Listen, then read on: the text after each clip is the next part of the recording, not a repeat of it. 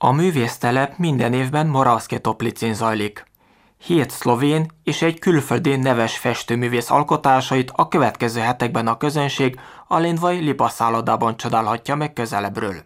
Magister Géza Ernisa, a szlovén evangélikus egyház tiszteletbeli püspöke nyilatkozott bővebben a kiállításról, és hogy miért pont egy szállodában láthatók a festmények.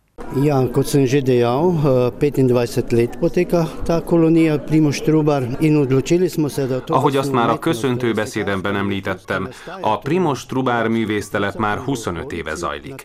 Ezért úgy döntöttünk, hogy a Moravske Toplicén és környékén készült festményeket kiállítjuk a szállodákban. Ezzel pedig közelebb hozzuk a belföldi és külföldi turisták számára, akik így megismerhetik a gazdag szlovén festőművészeti örökséget, amelyel országunk bír. A Moravske toplicei szállodák után így most Lendvára is elhoztunk nyolc festményt. A Muravidéken rengeteg motivummal lehet találkozni, hiszen itt különböző kultúrák, nemzetiségek és hitvallások élnek együtt. Nagyon sok a gyönyörű természeti adottság is.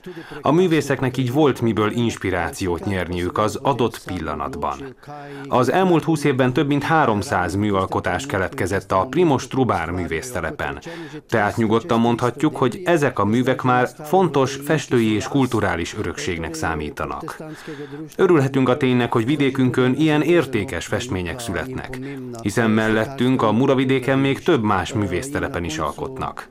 Mi mindenképpen meg szeretnénk őrizni ezt a tradíciót. Dragocene slike, ker mi smo samo ena izmed kolonij, ki v Prekmorju in Pomorju potekajo in želimo za to tradicijo seveda tudi nadaljevati.